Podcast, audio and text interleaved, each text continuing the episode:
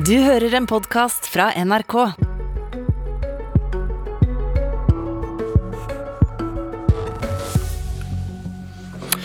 Tannlege blir ikke billigere. Det blir heller ikke briller til barn. Og permitterte får ikke feriepenger likevel. Den nye regjeringen fant ikke penger til alle sine løfter i budsjettet. Det har jo selvfølgelig skjedd før, men var dette et varsel om en ny tid, der vi ikke lenger får det vi peker på? Ja, velkommen til Politisk kvarter, Eigil Knutsen fra Arbeiderpartiet, leder av finanskomiteen. Takk for det, god morgen. Dette er et fjes og en stemme dere vil se og høre mye de neste ukene. Han får nå jobben med å lede forhandlingene om statsbudsjettet i Stortinget. For i går kom forslaget fra den nye regjeringen. og Hvorfor gjør dere ikke noe med kuttene i brillestøtten? Hvor ble det av starten på gratis tannhelse, og hvorfor får ikke de permitterte feriepenger?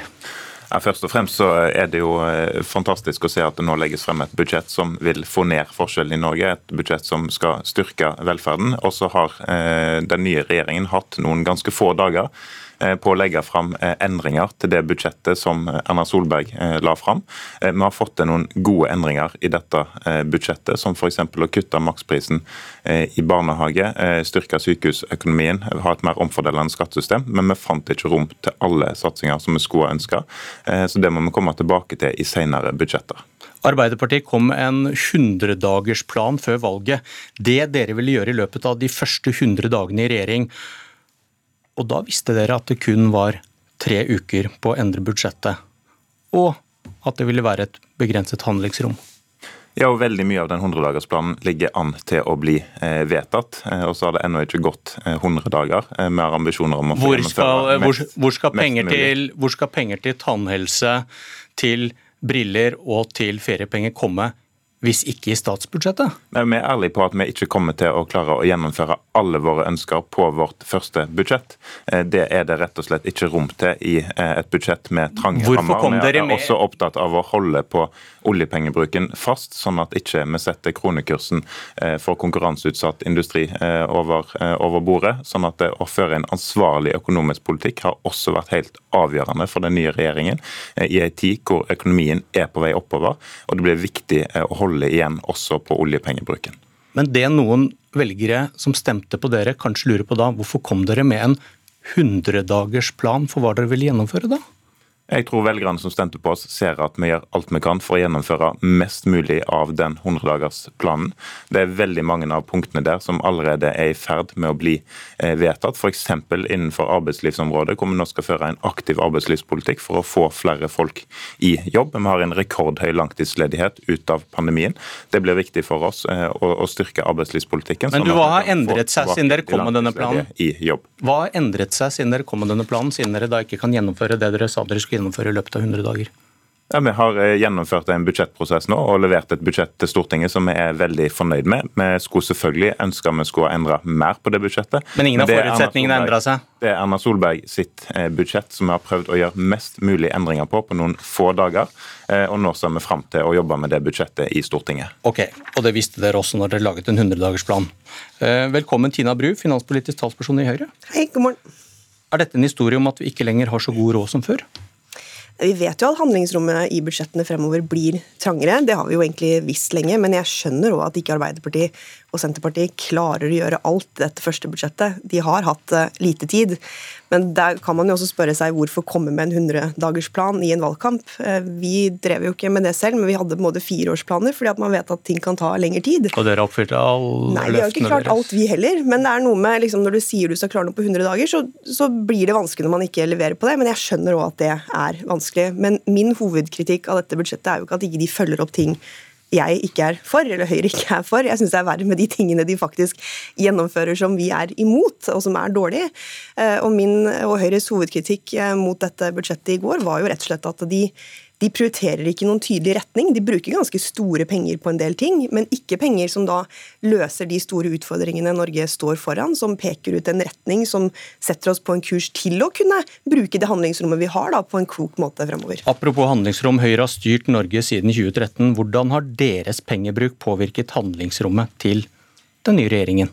Vi har f.eks. vært opptatt av eh, altså Det er flere måter man kan gjøre noe for å få seg litt mer handlingsrom. Du kan enten selvfølgelig øke skattene, eller du kan øke oljepengebruken. Men hvordan dere, hvordan har deres pengebruk påvirket ja. hans handlingsrom?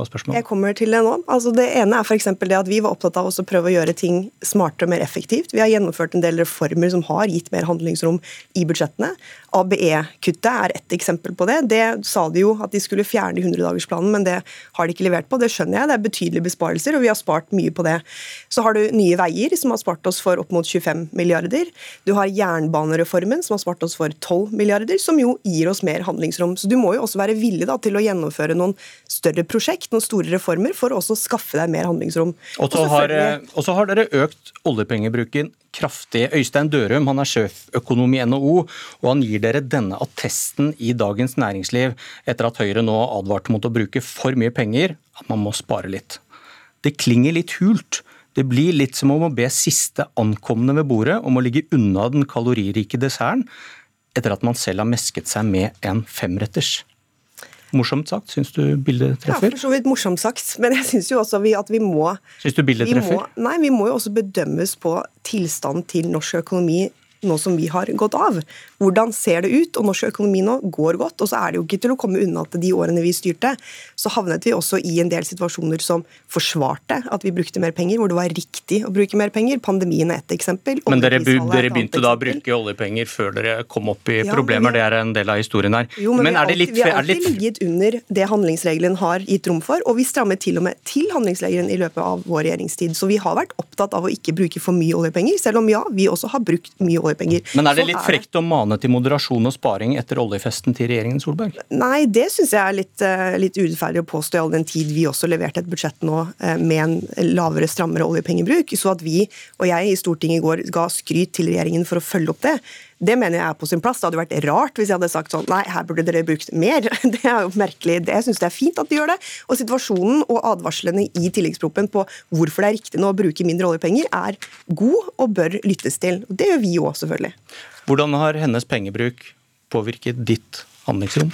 Ja, Den påvirker selvfølgelig handlingsrommet til en, til en, ny eh, regjering. og Arven etter åtte år med Høyre er jo helt riktig som Tina Bru sier, at nå ut av pandemien, nå som landet er gjenåpna, er at det går godt i norsk økonomi. Men det er mange underliggende utfordringer som det ikke er tatt tak i. Jeg nevnte langtidsledigheten, som er rekordhøy. Omstillingen av norsk økonomi går for sakte. Vi må øke fastlandsinvesteringene for å, å skape nye grønne industriarbeidsplasser.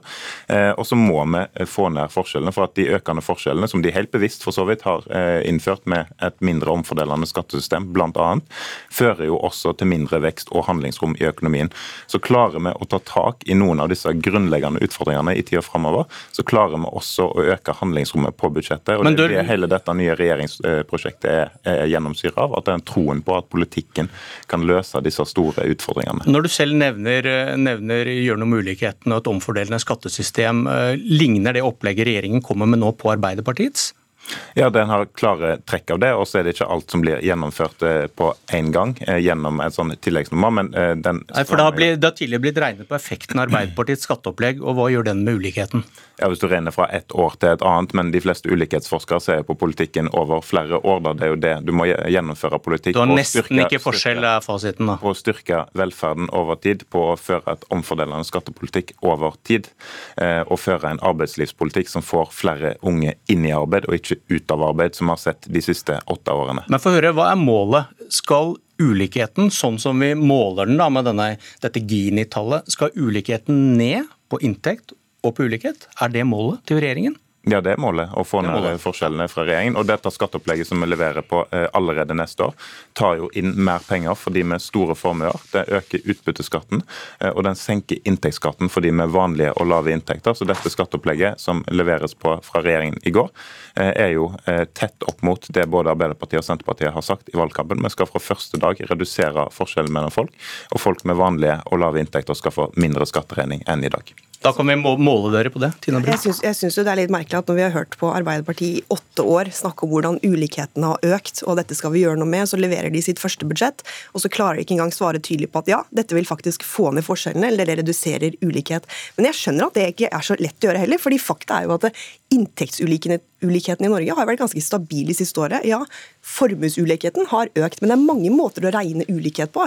F.eks. hvis du fjerner kontantstøtten, så kan man godt si at ulikheten øker. For da er det noen som har lite, som får enda mindre.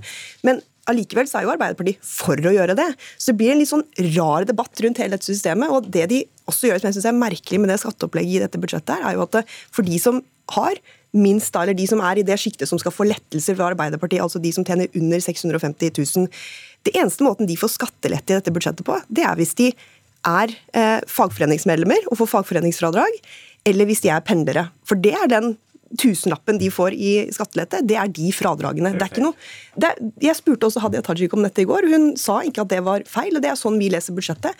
Jeg skjønner ikke da, Hva er den skatteletten de skal få? Det dere gjør, er at tvert om øker skatten på det som faktisk skaper arbeidsplasser. Og så snakker du Kunsten, om behovet for grønn omstilling og vekst i økonomien. Da er det veldig spesielt der vi står nå, å øke skattetrykket på næringslivet, som står i den omstillingen og skal prøve å få til det, samtidig som man heller skal opprette nye statlige selskap som skal gjøre den jobben, og da i tillegg konkurrere ut de private. Dette er jo ikke vekstfremmende og vil jo ikke skape flere arbeidsplasser fremover, som du sier vi trenger. De med vanlige og lave inntekter får lavere inntektsskatt neste år, sammenlignet med det de har hatt under Høyres styre de siste åtte årene. I tillegg får en økt fagforeningsfradrag, lavere barnehagepris, for å nevne noe. Og så er det jo veldig fascinerende å høre på Høyre etter valget. fordi at Det nye nå er at vi ikke bare skal kutte formuesskatten for å skape arbeidsplasser, som er motbevist gang på gang. Nå skal vi også kutte formuesskatten for å eh, kutte klimagassutslipp og skape nye grønne arbeidsplasser. Det er en ganske absurd retorikk fra Høyre at formuesskatten skal virke også på det. Den største effekten av de store formuesskattekuttene som Høyre har gjennomført i regjering de siste åtte årene, er økende forskjeller, et mindre omfordelende skattesystem. Og i går eh, la vi om kursen. Nå okay. skal skattesystemet omfordele bedre. Vi snakket oss litt vekk fra overskriften vår, som egentlig var hva har vi råd til, og også fremover. Og Tina, Tina Bru, hvis det var vrient å innfri løfter i dette budsjettet, hvordan, hvordan blir det i årene som kommer? Det blir trangere i årene eh, som kommer. Altså, faktum er at frem mot 2030-tallet eh, så vil handlingsrommet være ca. 4 milliarder eh, årlig. Og det er omtrent det man forventer at kommer til å være det økte behovet i kommunesektoren og i helseforetakene pga. befolkningsendringer og demografiutvikling bl.a. Så det betyr jo at mye av det, de pengene man har til å liksom gjøre det man vil i tillegg, da, er allerede spist opp av de forpliktelsene vi har. Dette er jo en, en utfordring. så det å, å og så vet vi jo at vi kommer til å eh, få mindre drahjelp fra olja i åra fremover. Den vil bety mindre for norsk økonomi, så vi må få flere bein å stå på. Det er derfor vi må ha en politikk da, som faktisk fremmer det at vi får flere arbeidsplasser, at vi legger til rette for at næringslivet kan vokse. For det er jo der pengene må komme fra. Og vi vil aldri finne noe som kan erstatte det olja har betydd fullt ut. Derfor må vi ha mange ting. Men vi har en stor honningkrukke. Hvorfor ikke bruke litt mer oljepenger for å få budsjettene til å gå opp framover? For Det handler også om hensynet til norsk økonomi totalt sett. Altså Der vi står nå, eksempel, så vet vi at eh, renta eh, sannsynligvis kommer til å gå opp. Det vil jo bety enormt for vanlige husholdninger. Enda mer enn den lille skatteletten de får, eller det at eh, maksprisen i barnehagen blir litt billigere. Så det å føre en bra oljepengepolitikk for å nettopp ta vare på økonomien og sørge for at ikke den overopphetes, det er jo kjempeviktig, og kanskje viktigst, for Men, å også sørge for at folk har det bra. Men hvorfor utreder regjeringen din på initiativ da fra Erna Solberg, som hun selv har bekreftet, å betale for dyre ekstraregninger som fregatt og nytt regjeringskvartal med oljepenger under strek, dvs. Si utafor budsjett, uten å prioritere? Det er jo litt fristende selvfølgelig. Altså, vi, må, vi, må, se på hvordan de store investeringene også kan løses eh, i dette landet. Så Dere har ikke lukka den døra helt, eller, for den type finansiering? Nå, nå sitter jo ikke vi i regjering, men de prosjektene vi satte i gang, satte vi jo i gang av en grunn. Eh, og selvfølgelig, ting må finansieres, men vi må også huske på at det, kan godt hende at verdien av oljefondet plutselig kan falle også pga. kapitalmarkedene globalt. Det vil også påvirke hvor mye oljepenger vi kan bruke. og Derfor har vi sagt blant annet dette budsjettet her, at det er eh, lurt å på en måte ha, eh, ta litt høyde for det da, når man også legger okay. opp oljepengebruken, for å ikke få et sjokk. Til slutt, Knutsen, betale noen regninger med oljepenger under streken. Kunne det vært noe dere kunne også sett på i denne regjeringen? Det får vi komme tilbake til. Eh, det er, fall, ja, du avviser det ikke, altså? Eh, det er i alle fall eh, viktig at vi holder orden i økonomien. Der skal jeg si meg enig med Tina Bru at vi må holde orden på oljepengebruken nå, fordi at rentene kan være på vei oppover. Det er, det er utfordrende for husholdninger, det er utfordrende for industrien, som vi ønsker skal eksportere mer i tida framover. Til slutt vil jeg bare si at Det viktigste vi gjør framover for å øke handlingsrommet i budsjettene, er jo å få flere i jobb. Hvis vi hadde hatt samme uføreandel blant unge siden 2013 i dag, så hadde handlingsrommet på statsbudsjettet vært 6 milliarder høyere okay. enn nå. Så det er det viktigste vi går i gang med nå med den nye regjeringen. Prøv å si det til SV i forhandlingsrommet. Se hvordan det går. Lykke til. Takk for det. Dette var Politisk kvarter. Jeg heter Bjørn Myklebust.